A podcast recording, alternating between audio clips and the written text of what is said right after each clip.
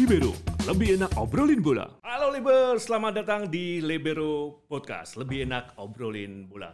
Dan terima kasih kita bisa bergabung di edisi perdana tajuk acara ini.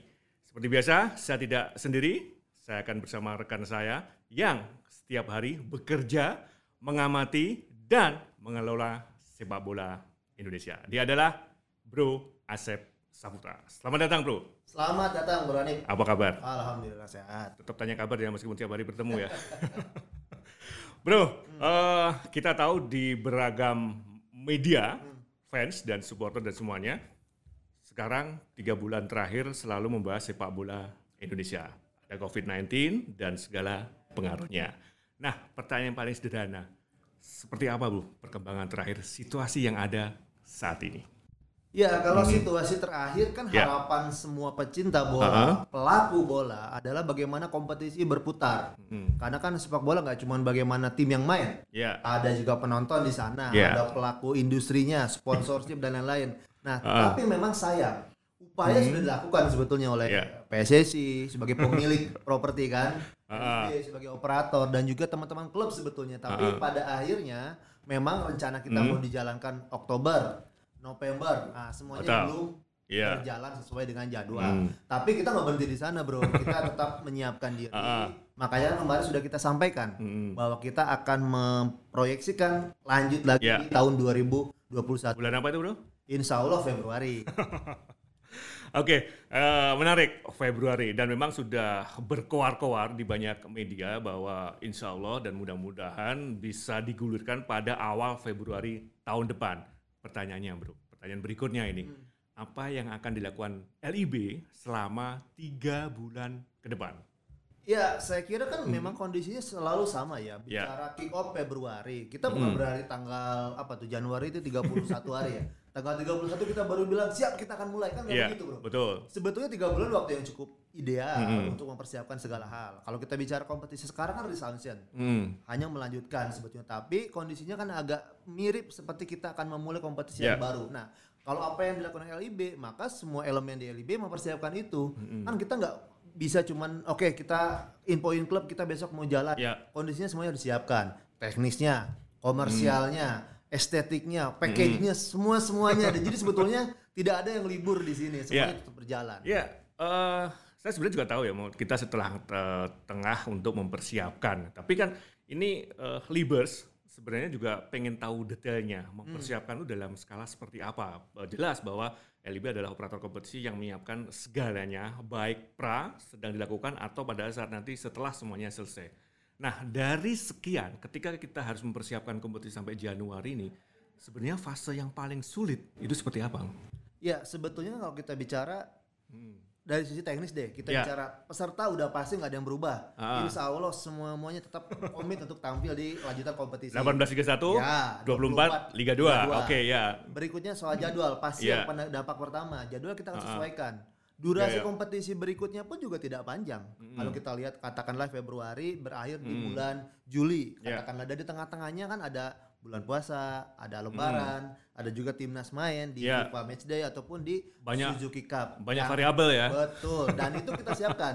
Oke, Bagaimana ya, ah. caranya challenge kita, Ah, ah. jadwal ini kita tetapkan, kita sesuaikan dengan kondisi yang ada. Itu pertama. Berikutnya adalah aspek yang lain. Contoh, Ya. komersial. Kita punya mitra nih, Ah. bagaimana kita berhitung, Ya. bagaimana value kita gak turun, bagaimana membuat memproteksi apa yang sudah Ya. menjadi haknya mereka. Nah, itu beberapa yang disiapkan. Nah, bicara yang tersulit adalah Ah. sekarang kepastian. Industri yang paling utama adalah kepastian. Tetapi kan kita harus Ya. berusaha. Nah, jajaran kita dari sisi eksekutifnya Ah. kita dan juga PSSI tentu ingin terus bagaimana memastikan mendapatkan sesuatu yang sangat mahal sekarang. Izin pertandingan. Itu bro sebetulnya Iya. yang paling sulit. Jadi kepastiannya di sana ya. Nah ini yang Libers pasti juga pengen tahu sebenarnya apa yang dilakukan Libers selama ini. Dan tadi sudah dijelaskan saat ini poin yang paling penting, variabel yang paling mutlak lebih pada kepastian. Hmm. Seberapa sulitkah lo dalam situasi saat ini kita harus bisa merangkul kepenang namanya kepastian itu? Ya kan tadi dibilang nggak cuma teknis. Kalau teknis Iya. kita bicara planning, action plan-nya apa, Heeh. goalnya apa, lalu lakukan. Ya. Tetapi kan bicara sisi lain, kita ada partner Mm-mm. yang lain. Nah kepastian itu kita memang tidak bisa memberikan 100% garansi, tapi upaya itu dilakukan. Contoh, Hmm. apa aja sih requirement-nya, apa aja harus dipenuhi. Nah, itu yang coba kita Hmm. sa- siapkan. Sebetulnya nih kita buka juga dari mulai eh, Maret ke Yeah. Juli, September sampai Oktober. Kalau sisi variabel kita, parameternya eh, keberhasilan atau apa pun juga pencapaian sebetulnya yang diupayakan sudah dilakukan. Direksi kita safari loh ke Jawa. Bro Anip juga mengikuti kan sampai bagaimana menikmati. Kita kan minta nih Saya nggak perlu menjelaskan, cara yang menjelaskan kan ya. Ya, klub-klub itu kan diminta juga bermain satu Oke, kota ya. ke kota lain Ah. jalan darat. Simulasinya Bro Anip dan para direksi kan sudah ketemu ke Jogja, ke Jatim, ke Jawa Tengah. Itu sudah dilakukan Bro, sampai ke BNPB. Bicara Ya, ya. sekarang situasi pandemi. Oke, ya, ya. Maka izin dari BNPB menjadi mutlak harus. Dan itu alhamdulillah Ya. kita punya protokol. Ah, Kita lakukan eh, apa namanya workshop. Dan itu Bro Ya, Anip juga kan yang yang terlibat di sana. Nah, itu Atau- sudah kita lakukan. Atau kita ganti kursi Bu, biar saya jelaskan ke Mas. Pada akhirnya Bro nanti tunggu aja. Oke, sekarang gini, ini eh, saya banyak pertanyaan dari teman-teman, terutama dari teman-teman media. Sebenarnya eh, seperti apa sih kesulitan ketika harus menentukan penjadwalan ini?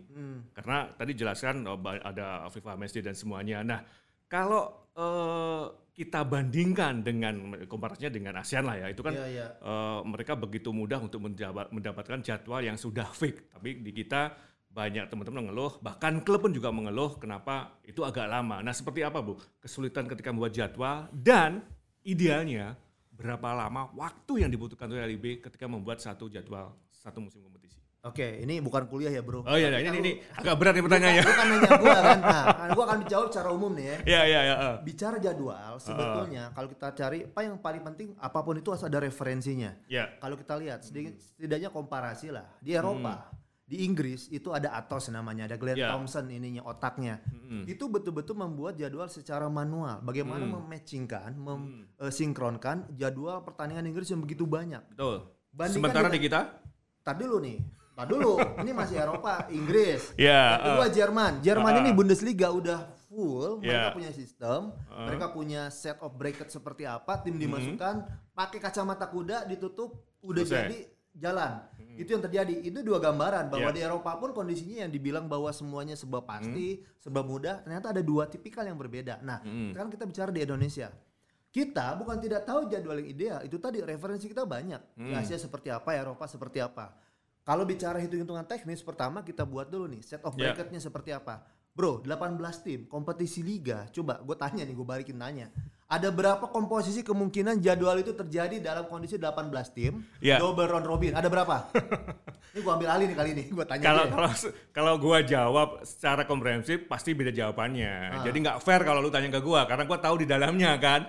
Harus dijelaskan secara detail, Bro. Ya, karena di sini pokoknya Enggak ini ilmiah bro Enggak gini Ya, Paling ya. gampang secara teori Kan kalau kita ada 18 tim Heeh. Komposisinya itu satu miliar lebih Yang Ya. memungkinkan Contoh Betul. misalnya A, A, Persija, Persib, PSIS Hmm. Bagaimana komposisinya Tapi kan kita nggak mungkin mencari sebanyak itu Nah Ya. makanya kita buat formula Setidaknya apa yang paling cocok Hmm. Misalnya kalau kondisi paling fair kita sek, eh, sequence home and away-nya Ya. dibilang semuanya rata home away Betul. home away misalnya itu itu yang kita ambil atau sistem couple Ya, misalnya uh-uh. dua tim secara bersama-sama ketika melakukan pertandingan away seperti saling silang. Ada Ya. beberapa hal. Nah, itu kita tetapkan pertama sudah.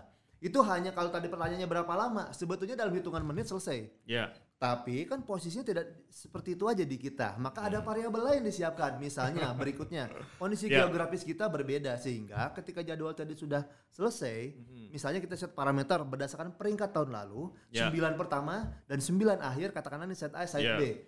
Kan jadwal yang tadi berdasarkan formula pertama mudah, tapi kan Betul. ketika bisa saja misalnya Mhm. diketemukan contoh klub yang paling jauh ujung timur, Persipura misalnya tiba-tiba dia akan away ke ke Persija, lalu setelah itu berikutnya dia home lagi, lalu berikutnya away lagi misalnya ke Persib. Ya, Kan situ itu kan agak kurang efektif. Nah, itulah Ya. akhirnya kita melakukan sebuah eh, penyesuaian. Hmm. Dari situ kita lihat variabel apa, contoh geografis kita juga berhitung nih Hmm. kondisinya nggak bisa ideal kacamata kuda seperti di Bundesliga tadi Ya. sehingga kita sesuaikan maka beberapa klub contoh kita melakukan eh, perubahan adjustment Hmm. berikutnya telah selesai kita lihat lagi ada agenda apa bro Ya. kan sekarang kondisinya sebelum jadwal kita buat kalender kita buat dulu nih kita sinkronkan Hmm. jadwalnya di PSSI timnas kapan main lalu di regional Suzuki Cup, lalu. AFC, lalu juga eh, FIFA Matchday, lalu ada event apa lagi. Nah, kita petakan dulu. Ya, kita ya. cari yang kosong-kosong. Berikutnya agenda nasional Kamtipmas. Ya. Nah, itu kita sesuaikan. Itu gambaran yang memang kita jadikan landasan Ya. ketika menetapkan tanggal. Berikutnya adalah kita juga punya variabel sendiri. Mm. Kita punya host broadcaster. Sebelum itu ada lagi tim produksi. Jadi kalau kemarin-kemarin nih partner kita menyiarkan itu mereka hanya membeli ataupun menyiarkan hasil produksi yang Iya. memang kita punya tim sendiri. Nah, Betul. Produksi Sekarang itu- beda lagi kan? Betul juga. Itu juga variabel sendiri. Kita Iya. hitung ada berapa kemungkinan tim produksi kita bisa mengcover Hmm. Betul. Hmm. setiap match week. Nah, itu kita hitung semua. Plus lagi dan lain-lain. Dan kita juga minta feedback ke klub. Jadi sebetulnya kompleksitasnya seperti itu. Hmm. Kalau kondisinya seperti di Jerman bahwa ataupun negara yang lain tadi Anda menyebutkan bahwa beberapa negara ASEAN, oke, tanpa ada variabel izin misalnya. Hmm. Iya. Ya itu sebetulnya dalam tempo 2-3 hari begitu tim sudah ada selesai Hmm. Main tapi kan nggak bisa seperti itu. Kita juga berhitung. Itu beberapa uh, poin-poin yang kita siapkan. Jadi aspek Ya. uh, efisiensi ekonomis geografis bahkan historis karena juga jangan lupa laga-laga big match kita pasti ada turunannya atau ada kaitannya. Contoh kan nggak mudah. Persija Persib Ya. Persib Persija. Siapa yang main lebih dulu? Ada pertimbangan lain karena dalam case kita beberapa tahun yang lalu terjadi tuh jadwal Ya. sudah rilis tiba-tiba ada request kayaknya mungkin di Bandung dulu atau di Jakarta dulu hal yang sama juga Belum lagi Malang. Arema Persebaya ya. Betul, ada banyak hal yang lain. Nah, itu kondisi yang Ya. kita bisa aja bilang, oke enggak, ini jadwal kita Hmm. kan nggak bisa seperti itu. Kita pertimbangkan bagaimana Ya. yang penting lancar. Tadi itu kita di awal bicara kepastian, lebih mudah Ya. atau kita mencari berdasarkan evaluasi sebelumnya kita tetapkan dari variabel yang ada. Nah, kalau bicara kompleksitas jadwal ya seperti itu. Dan Ya, dengan ya. host broadcaster lagi-lagi Beda lagi pertimbangannya kan, iya. Betul. Hmm. Sekarang case ter- kan setiap TV siapa pun partnernya pasti punya perhitungan sendiri. Betul. Siapa timnya kelas A, tim-tim yang akan saling bertanding pasti di prime time. Ya. Tapi jangan salah, ada variabel lain. Di beberapa daerah mungkin ada catatan juga. Hmm. Misalnya tim tertentu nggak bisa dimainkan malam hari. Ya. Ini kan berlawanan. Kembali pada izin lagi kan? Teori bisnisnya harusnya itu menjadi Iya, iya. sebuah hal yang Ah. diutamakan. Tetapi kan kita bicara ini tergelar apa enggak, itu dulu Ya, yang penting. Betul. Nah, tadi Liber saya pikir sudah sudah bisa menyimak dengan panjang lebar apa sih variabel yang harus ditentukan, harus dipertimbangkan ketika harus membuat Ya. jadwal yang komprehensif. Nah, tadi disebutkan ada eh, geografis di sana, Yes. kemudian bagaimana pertimbangan broadcaster, kemudian bagaimana pertimbangan eh, kondisi tim serial-realnya. Nah, berikutnya lebih besar pertimbangan yang mana, Bro? Antara geografis atau kultur dari masyarakat setempat. Kita tahu nih, ada beberapa teman-teman ini dari eh, Aceh menanyakan bahwa kenapa mereka tidak bermain. Ini seandainya kompetisi ber- berlangsung ideal ya, Ya. tidak bermain di kandang ketika bulan Ramadan. Ini kan yang tidak ada di kompetisi sebelumnya karena Aceh memang baru baru promosi. Nah, ketika menentukan jadwal yang harus mempertimbangkan kultur setempat, ini lebih susah mana? Kultur atau geografis, Bro? Sebetulnya Gampang susah ini, Bro. gampang-gampang susah, tetapi pada akhirnya kita menempatkan sesuai dengan porsi. Kita juga berhitung. Hmm. Betul itu variabel baru. Contoh misalnya tadi sudah langsung disebut ya, sebut merek Hmm. Persiraja di Aceh. Ya. Ada dua ada dua hal di sana. Hmm. Mereka nggak bisa main di malam Jumat. Hmm. Yang kedua ketika bulan Ramadan pun tidak bisa. Sehingga Kenapa harus malam Jumat, Bro? Ya inilah kondisi tadi bilang kultur dan yang terjadi di sana Bukan karena yang lain kan? bukan karena yang lain. Sebenarnya kalau ngomong itu bisa lebih panjang lagi, Bro. Oke, oke, lanjut lanjut lanjut. itu posisinya adalah tadi itu tadi ketika contoh misalnya kearifan lokal lah kita menyebutnya lokal wisdom seperti apa Ah. dan itu ada hal yang memang batasannya tidak kita tidak bisa kita tabrak sehingga kita harus akomodir sehingga kan juga ketika melakukan penyesuaian itu jangan lupa tadi rangkaian jadwal tadi ada dua 306 pertandingan Iya. contoh dari 18 klub setiap match week ada 9 ketika satu berubah akan berimbas ke yang lain ada efek domino nah itu itu sebetulnya fase-fasenya jadi kalau bicara lebih berat mana sama-sama berat tapi memang bergantung saat itu seperti apa eh, kondisinya tetapi ada batasan yang bisa kita tabrak Ya. harus diakomodir dan memang tidak memiliki ataupun exception untuk Ya. menentukan jadwal Nah, salah satu info yang saya pikir Liber juga sangat eh, butuh untuk mendapatkan, terutama dari teman-teman media ya. Dalam musim 2020 di Liga 1 saja, LIB sudah dua kali membuat jadwal karena ada perubahan eh, skala dalam perizinan tadi. Berikutnya, ketika nanti digulirkan Februari, jadwal yang dibuat akan seperti apa, Bro? Ya, kalau kondisinya jadwal yang dibuat, Ya. ini melanjutkan nih bro. Betul. Keputusannya melanjutkan. Hmm. Artinya kita dari sisi jajaran operator ataupun profesional Hmm. harus bisa mengakomodir itu. Nah, kalau bicara teorinya, kan kalau dilanjutkan sudah ada tiga pekan yang berjalan, Ya, otomatis tidak akan mungkin terjadi perubahan yang radikal. betul. Kalaupun terjadi perubahan, hanya menyesuaikan mungkin dari sisi tanggal, Hmm. ataupun kalaupun switch, kan kayak gini, ada tiga pekan, Hmm. sisanya ada 280 pertandingan dan 31 pekan sisa Ya, plus satu laga tunda yang waktu itu Persija Persebaya nggak bisa digelar tuh at- kala itu. Nah posisinya kita walaupun perubahan hanya mungkin terjadi satu switch Hmm. antara home away yang belum main di week 1 dan 3 atau adalah mengganti menukar match weeknya karena nggak Ya. mungkin ini bukan uji coba kan kayak kayak kemarin banyak permintaan misalnya kita kondisi susah Uh-uh. kita memahami kita melakukan perubahan lalu ada satu klub misalnya ya, dia akan datang ke satu daerah katakanlah Jabotabek, Betul. Jakarta. Kalau bisa main lagi besoknya di Bogor.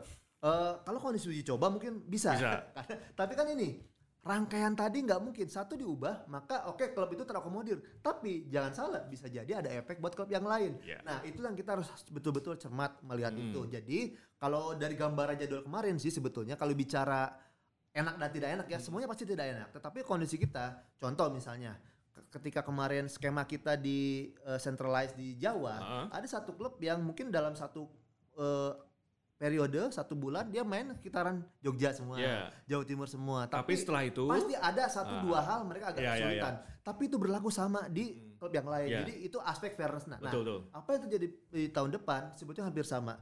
Eh, urutannya nggak jauh berubah, hanya mungkin tangan-tangannya ada perubahan sama jam kick off-nya karena kan ini menentukan tadi itu. Hmm. Kita punya host broadcaster, mereka punya Ya. programming dan juga kita akan eh, tentu sesuaikan. Kalau Hmm. perubahan radikal urutan dan lain-lain mungkin agak sulit Hmm. terjadi. Ya, jadi itu ya eh, kalau kita melihat eh, menyimak berita-berita di media bagaimana klub eh, sempat berstatement kepada media kenapa mereka merasa agak dirugikan dengan Ya. jadwal seperti ini sementara tim yang lain tim B, tim C, tim D eh, mendapatkan jadwal yang lebih mudah di pekan tersebut. Sebenarnya kalau kita melihat eh, dan memerhatikan tadi memang ada konsekuensi yang sebenarnya itu terjadi pada semua kontestan Betul. baik kontestan yang di ujung sana sampai ujung sana. Nah ini yang belum terekspos, belum tersampaikan kepada publik secara umum bahwa asas keadilan itu ada, betul? Betul. Kok Dan jadi kok jadi gue yang jelasin ini ya?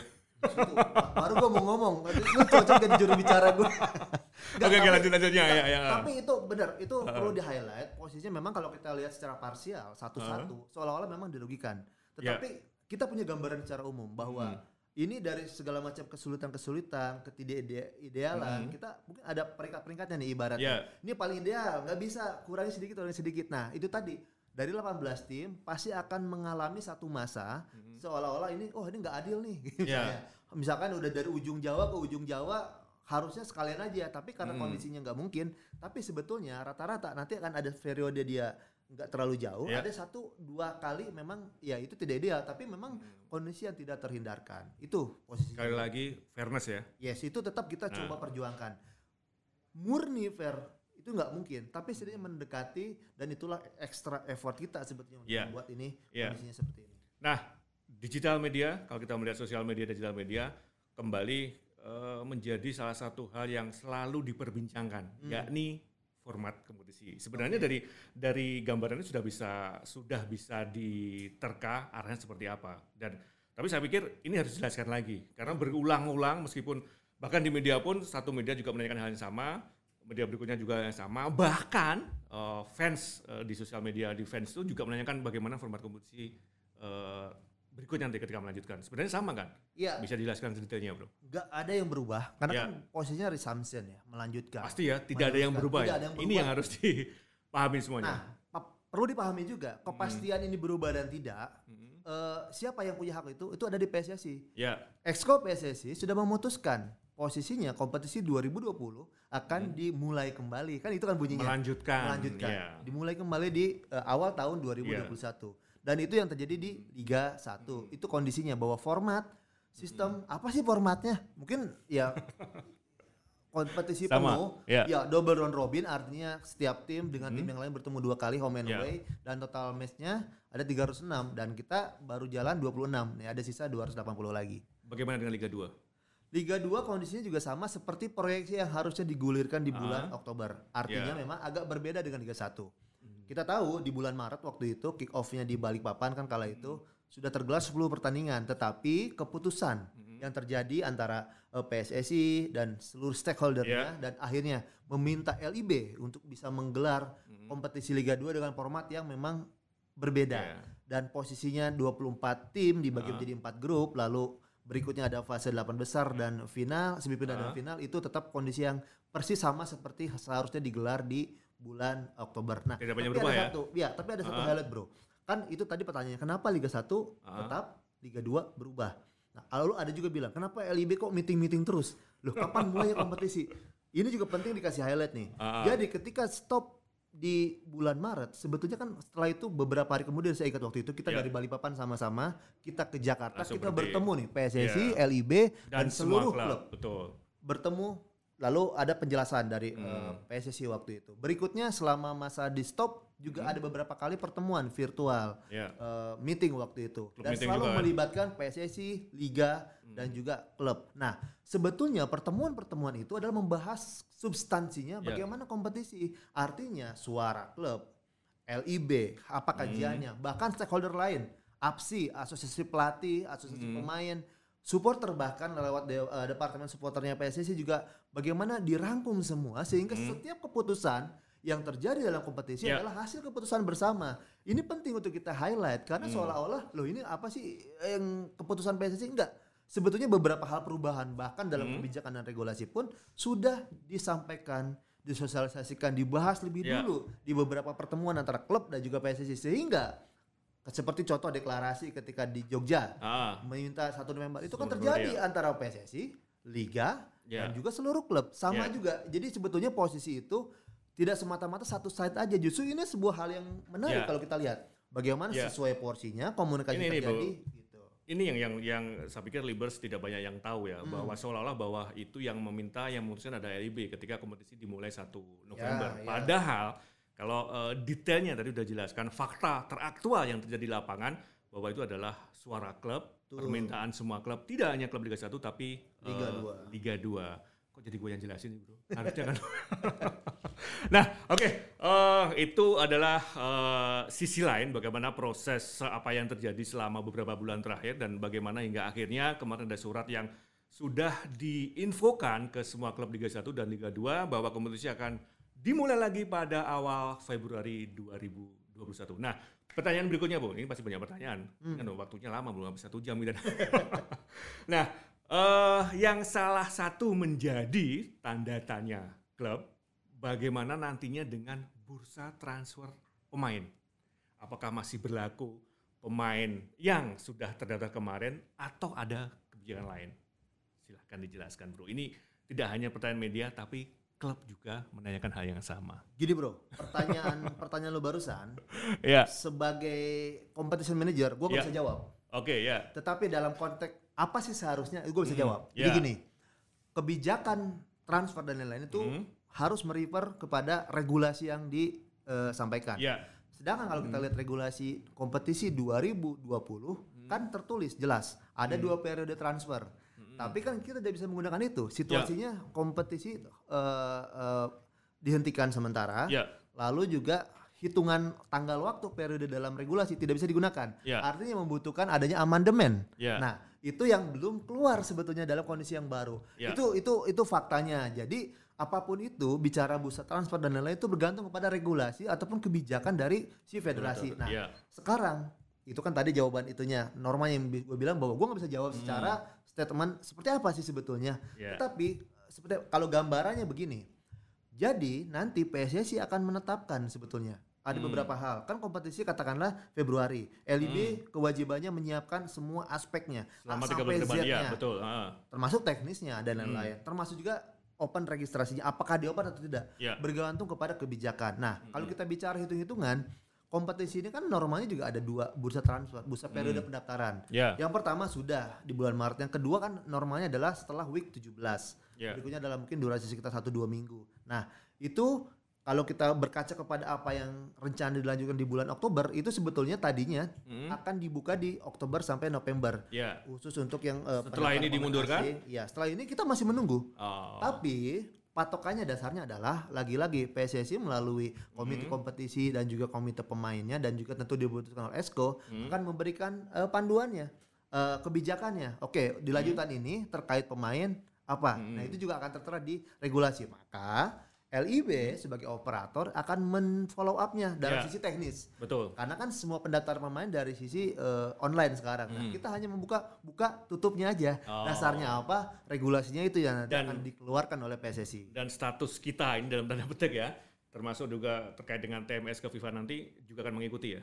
Nah, bicara TMS menarik Hmm. nih, karena tadi kan lu nggak jenguk-jenguk TMS. Nah, TMS ini barang apa? Itu kan trans transfer match Ah, iya. eh, system. Iya. Itu sebetulnya TMS ini adalah eh, sistem online yang dimiliki oleh FIFA, Hmm. oleh seluruh anggota FIFA.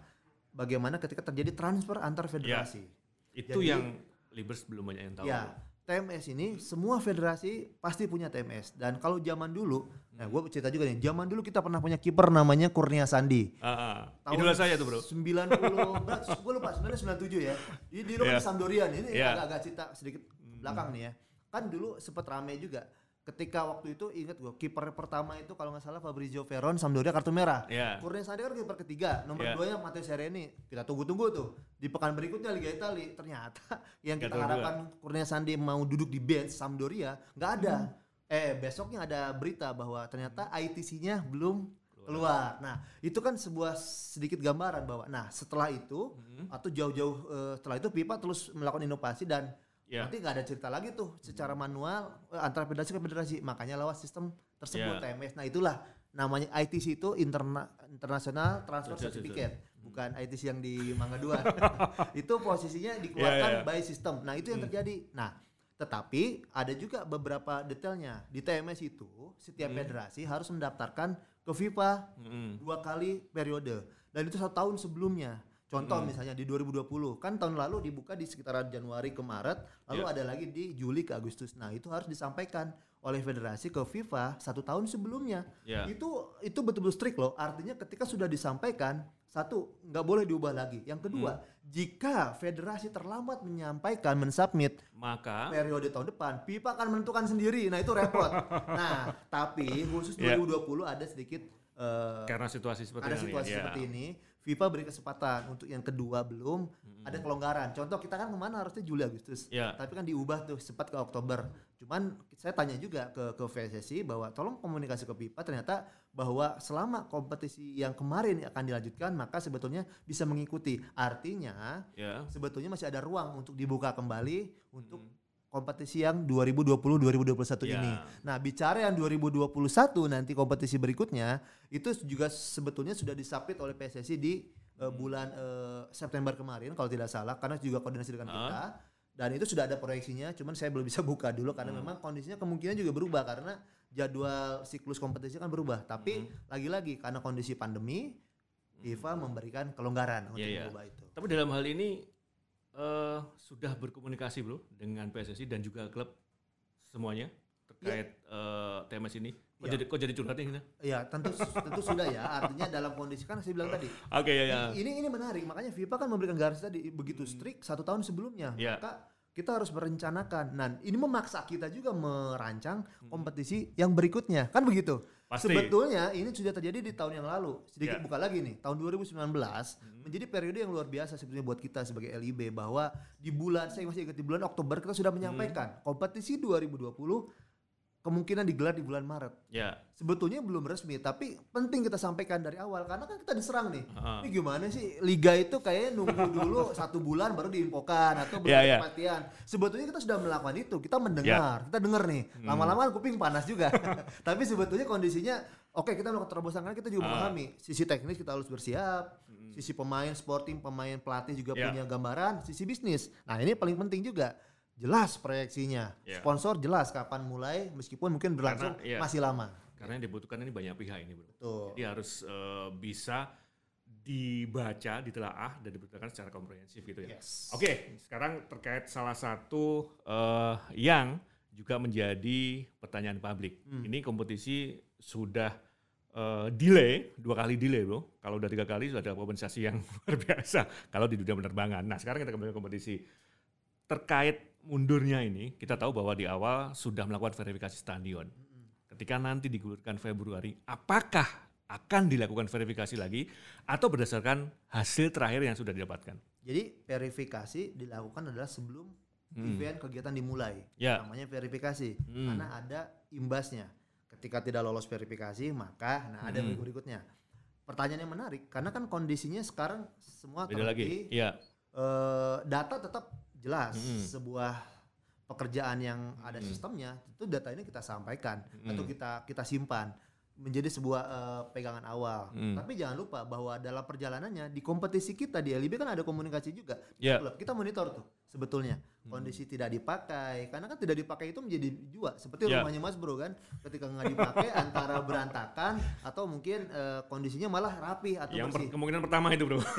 Nah, itu juga kondisi yang terjadi. Oke, Nah, ya. Kita akan melakukan inspeksi. Mungkin sifatnya bukan verifikasi tapi inspeksi. Ya. Untuk kita akan melihat setidaknya ada beberapa poin yang harus kita pastikan Hmm. sesuai standar. Contoh misalnya lapangannya atau lampunya, ruangannya dan lain-lain. Ya. Saya pikir itu kondisi yang normal.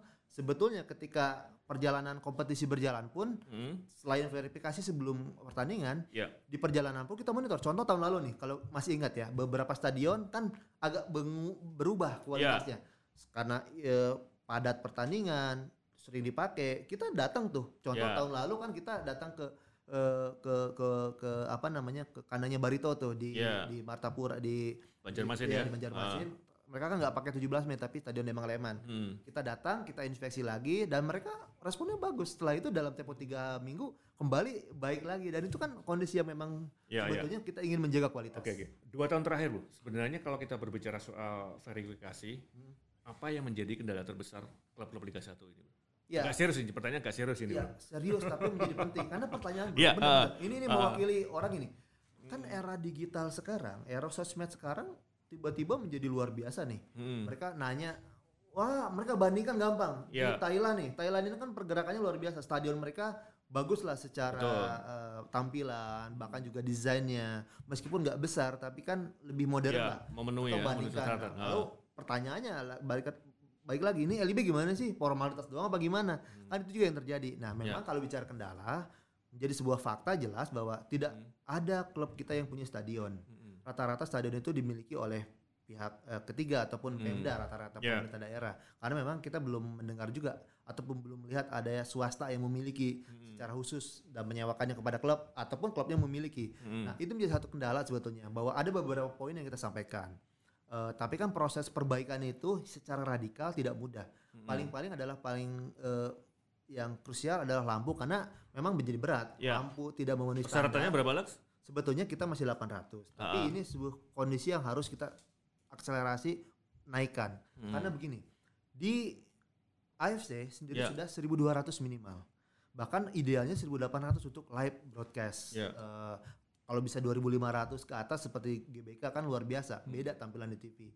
Kita masih 800 karena memang kita melihat kondisi ini standar yang di AFC tahun 2008, 2010, 2011 tetapi kondisinya adalah bahwa kita ingin menaikkan Hmm. tapi pelan-pelan. Tapi mudah-mudahan sih sebetulnya dengan kondisi Piala Dunia 20 Ya. U20 digelar di sini, bagaimana juga sudah mulai banyak tontonan, Harusnya bisa mengikuti ya. harus bisa Oke. mengikuti karena memang sebetulnya ada konsep lain bahwa stadion tidak hanya untuk sepak bola, Hmm. kan juga untuk bisa hidup, maka sebetulnya ada banyak bisnis lain yang bisa di-generate sebetulnya. Hmm. Dan itu membutuhkan infrastruktur yang baik. Hmm. Harapannya sebetulnya memang sepak bola menjadi pionir, tapi harapannya adalah bagaimana si pemilik Ya. tersebut, si pengelola bisa berjalan sinergi beriringan. Bagaimana Hmm. untuk meningkatkan eh, kualitas infrastruktur yang ada di Liga 1. Pertanyaan yang agak sulit berikutnya, bro. Seberapa jauh tanggung jawab dan peran dari LIB terhadap infrastruktur stadion yang dimiliki oleh klub Liga 1? Ya, ini berat, betul berat. Ya, berat dalam pelaksanaan ya, karena Ya. dalam sisi konsep kita sudah sampaikan. Begini, Ya. eh, kita tidak sekedar bagaimana memverifikasi ini standarnya loh. Lalu Mm. seperti apa? Sebetulnya kita juga ada inova, eh, ada upaya sebetulnya untuk bisa membuat bagaimana ayo kita sama-sama akselerasi. Contohnya Hmm. ya kita sudah siapkan sebetulnya guidance terkait bagaimana stadium dan infrastruktur Ya. terkait dengan eh, safety and security-nya, requirement dasarnya bahkan sampai ke bagaimana mempackage-nya sebagai sebuah Hmm. eh, sarana yang bisa menguntungkan klub sebetulnya. Satu kemasan yang menghibur dan menguntungkan ya. Yes. Oke ya. Jadi betul. regulasi yang dibuat pun tidak semata-mata menyulitkan mereka, tapi ini Hmm. sebetulnya mengencourage mereka bahwa kita udah ketinggalan loh dan Hmm. ada standar yang harus di- di- di- disiapkan. Karena begini, ketika klub bermain di stadion tersebut, kan nggak cuman mereka bermain, Hmm. mereka bisa bermain, ya mereka harus sewa stadion, tapi Ya. juga ada bagaimana ini arena menjadi venue bagi Hmm. eh, mereka punya mitra sponsor untuk bisa eh, mengkampanyekan atau juga eh, mengekspos eh, tempat Hmm. exposure bagaimana produk mereka. Dan ini kan harus dikemas, harus dengan kualitas. Nah itu banyak hal yang memang di- disiapkan. Nah kita menyiapkan setidaknya dalam jalur-jalur kita komunikasi ke klub Hmm. lewat licensing, a- a- lewat juga bagaimana kita kita komunikasi Ya. terkait peningkatan infrastruktur. Itu salah satu upaya kita. Kalau pertanyaannya konkretnya apakah ada uang, ada dana, memang kita belum ke sana. Tapi harapan, ini impian sebetulnya. Bagaimana selain Ah. stadion, contoh misalnya, mungkin nextnya program kita setiap tahun setidaknya mungkin di beberapa klub satu dua tiga empat klub Harus ada peningkatan. lapangan misalnya. Ya. Lalu dari situ menjadi sebuah bisnis bersama LIB dan Hmm. klub. Dari mana dananya mungkin sekian persen dari kontribusi itu kita Ya. salurkan ke sana. Kadang nggak cuma bagaimana dibangun, nextnya bisa di-generate menjadi Hmm. sebuah eh, Ya. aset yang bisa menguntungkan. Itu sebetulnya harapannya nanti pelan-pelan maka Ya. semua venue yang digunakan standarnya nggak kalah dengan yang Oke. dibanding-bandingkan oleh netizen. Pertanyaan sulit yang terakhir, Bro.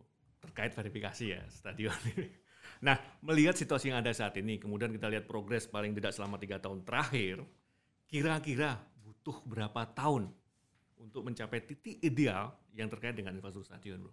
Ya, eh, kalau kita bicara berapa tahun, seolah-olah kita baru mulai sekarang. Ya. Padahal kalau kita bicara gambaran besar, liga ini sejak kapan sih? Mm. Kan kalau kita baca atau kita lihat zaman dulu lah, kita di masa itulah ya. Ya. Ketika dulu ada gebiarnya perserikatan, ada Galatama, bahkan romantismenya Jepang, Malaysia itu belajar ke Galatama kan. Ya. Tapi oke lah itu posisi Masa lalu kan, masa ya, ya. lalu. Lalu 94 gongnya kan, liga Hmm. itu disatukan. Eh, Galatama dan juga eh, apa namanya Perserikatan Hmm. jadi Liga Indonesia Liga itu makanya yang produk rokok rokok waktu itu kan dan setelah itu berkembang lagi lompatan berikutnya ISL Ya. 2008 Hmm. mulai itu ada licensing dan lain-lain bagaimana syarat-syarat tampil di Super League sampai ke Liga 1 itu kan Hmm. perjalanan panjang Ya. sebetulnya kalau kita bicara hitung-hitungan perkembangan progres ada progres tapi memang eh, lompatannya percepatannya nggak terlalu cepat nah Ya. ini sebetulnya PR kita. Artinya memang dibutuhkan mindset yang sama. Sebetulnya PSSI dan Liga punya eh, elemen, Ya. punya alat yang namanya club licensing. Bagaimana melalui klub licensing ini memaksa klub untuk Hmm. bisa berpikir. Kan kita bicara profesional abstrak nih. Ya. Rata-rata bicara profesional itu apa sih? Oh, uangnya besar. Padahal kan Hmm. nggak itu. Contoh di klub licensing ada aspek legalnya. Klub harus ada aspek legalitasnya Ya, ya. jelas. Aspek finance-nya semuanya nggak bu Hmm. ya sehat ada laporan keuangannya perencanaannya auditable dan lain-lain sisi sporting sporting penting bagaimana klub tersebut punya pemain Ya. dan punya modal kurikulumnya pembinaan Hmm. usia mudanya sampai ke hal-hal medisnya sport Hmm. science-nya itu diperkirakan personal and admin bagaimana kualifikasi orang-orang yang terlibat di klub dari. Betul. sisi manajemen dan dan sisi teknisnya itu harus jelas lalu infrastruktur nah Ya. ini penting bagaimana juga ini harus di generate eh, sebagai eh, aset yang harus bisa memberikan value Oke. tinggi. Nah, berikutnya sebetulnya juga ada satu lagi selain lima tadi, ada yang namanya bisnis developmentnya. Ya. Dan ini juga kriteria yang di Qatar sudah, Malaysia sudah, kita belum. Nah, itu salah satu upaya kita. Kalau bicara hitung-hitungan eh, berapa lama? Oke lah kita bikin kayak macam dulu GBHN misalnya. Atau Jadi kurang berapa tahun lagi nih? Nah, kita bicara nggak apa-apa. Kita nggak ada Ah. kata terlambat. Oke. Tapi jangan lupa harus diiringi dengan yang lain. Kita harus merebranding. Ah, ah. Kita punya klub, kita punya image dari klub, dari liga segala macam. PR bersama. Nah, kadang Iya. kalau begitu susah bro untuk bisa mengejar Jadi? Pelita tersebut. Tiga tahun lagi, lima tahun lagi? Kita buat pelita aja pembangunan lima tahun. Kita tes di tahun 2025 Ah, ah. seperti apa perkembangannya. Itu aja bro. Oke, berarti sekitar 2-3 tahun Yes. lagi ya. Oke. Jawaban Merek. Bro, kalau boleh tahu masuk di sepak bola Indonesia tahun berapa kalau kemarin? 2003 ya? 2003 ya? Siapa? Eh, di kau masuk sebagai salah satu eh, orang yang terlibat meskipun di awalnya tidak tidak menduduki saat ini ya, tapi benar-benar dari nol ya. Itu, itu tahun 2000? Ini pribadi nih. Iya, pribadi pribadi dulu, pribadi. ya. Nanti bisa dicatat dong IG gue, eh, aku akun gue yang Iya, iya, oke oke ya, nanti Oke. juga gue. Sebetulnya kalau bicara sepak bola Ah. nasional, Iya. gua dulu kuliah IT sebetulnya. Ah, tapi gue masuk tahun 2003 Ah. ke PSSI waktu Oke. itu. Nah, 23 ya. Nah, 23 sekarang 2020. mm. Gimana bagaimana komparasi sejauh ini dari kacamata Diko ya? 2003 2005 dibandingkan dengan sekarang. Perkembangan signifikan yang lu rasakan apa nih, Bro? Ya kalau gue rasain ya sebagai pelaku sepak bola terutama dalam sistem karena gini sepak bola kita nggak kalah gebiarnya sama Oke. dulu dan sekarang sama tapi pengelolaan yang berbeda karena apa karena membuka diri Hmm. pada sepak bola global sehingga ada banyak hal baru knowledge baru dan itu kita aplikasikan dan kita Hmm. harus bisa punya pembanding nggak Ya. bisa tertidur dalam romantisme bahwa dulu bela Dulu seperti ini ya. dulu seperti ini Jepang belajar ke kita Malaysia belajar ke kita lalu Oke. sekarang kita seperti ini. nah itu yang Perkembangan signifikan? yang yang perkembangan signifikan sebetulnya tadi pengelolaan aja yang berbeda. Ya. Karena dari sisi standar contoh pertandingan 2007 kita jadi tuan rumah Piala Asia itu punya efek yang eh, Luar biasa ya. luar biasa. Karena saya tahu banget sebelum itu seperti apa, setelah itu seperti Hmm. apa. Berikutnya di era digital sekarang sosial media pasti mm, apa pun yang kita lakukan selalu Hmm. ada eh, apa namanya saya sih gue sih menyebutnya Oke. penyemangat ya karena netizen itu meskipun pedas tapi harus kita ambil Ya. harus kita jadikan pelajaran hikmah karena sayangnya kan mereka mengambil referensi aja Ah. sebetulnya tapi realnya seperti apa nah kita pelaku sebetulnya punya kewajiban untuk bisa Ya. meng- Jadi ada perkembangan signifikannya ya. pasti ada Oke. Oke. Nah sekarang saya tanya terkait personal nih bro. Eh, saya dapat info, bukan info ya, yang kebetulan kita pernah ngobrol, tapi saya yakin teman-teman Libers juga banyak yang belum tahu bahwa Diko adalah salah satu matchcom di AFC, AFC dan FIFA, sekarang udah FIFA ya. Artinya ini satu pride buat kita, jadi satu pandangan yang berbeda. Jadi kalau melihat dari pengalaman selama ini dan sudah terlibat di banyak pertandingan internasional yang kelas dunia tentunya ya, tentu ada komparasi eh, yang berbeda dan saya yakin ada penjelasan yang banyak lebar. Tapi tahan dulu, setelah ini kita akan bahas kupas tuntas bagaimana sebagai matchcom FIFA kalau kita bandingkan, kita komparasi dan apa perbedaan signifikan dengan sepak bola nasional. Libers tahan dulu, kita akan kembali setelah yang berikut ini.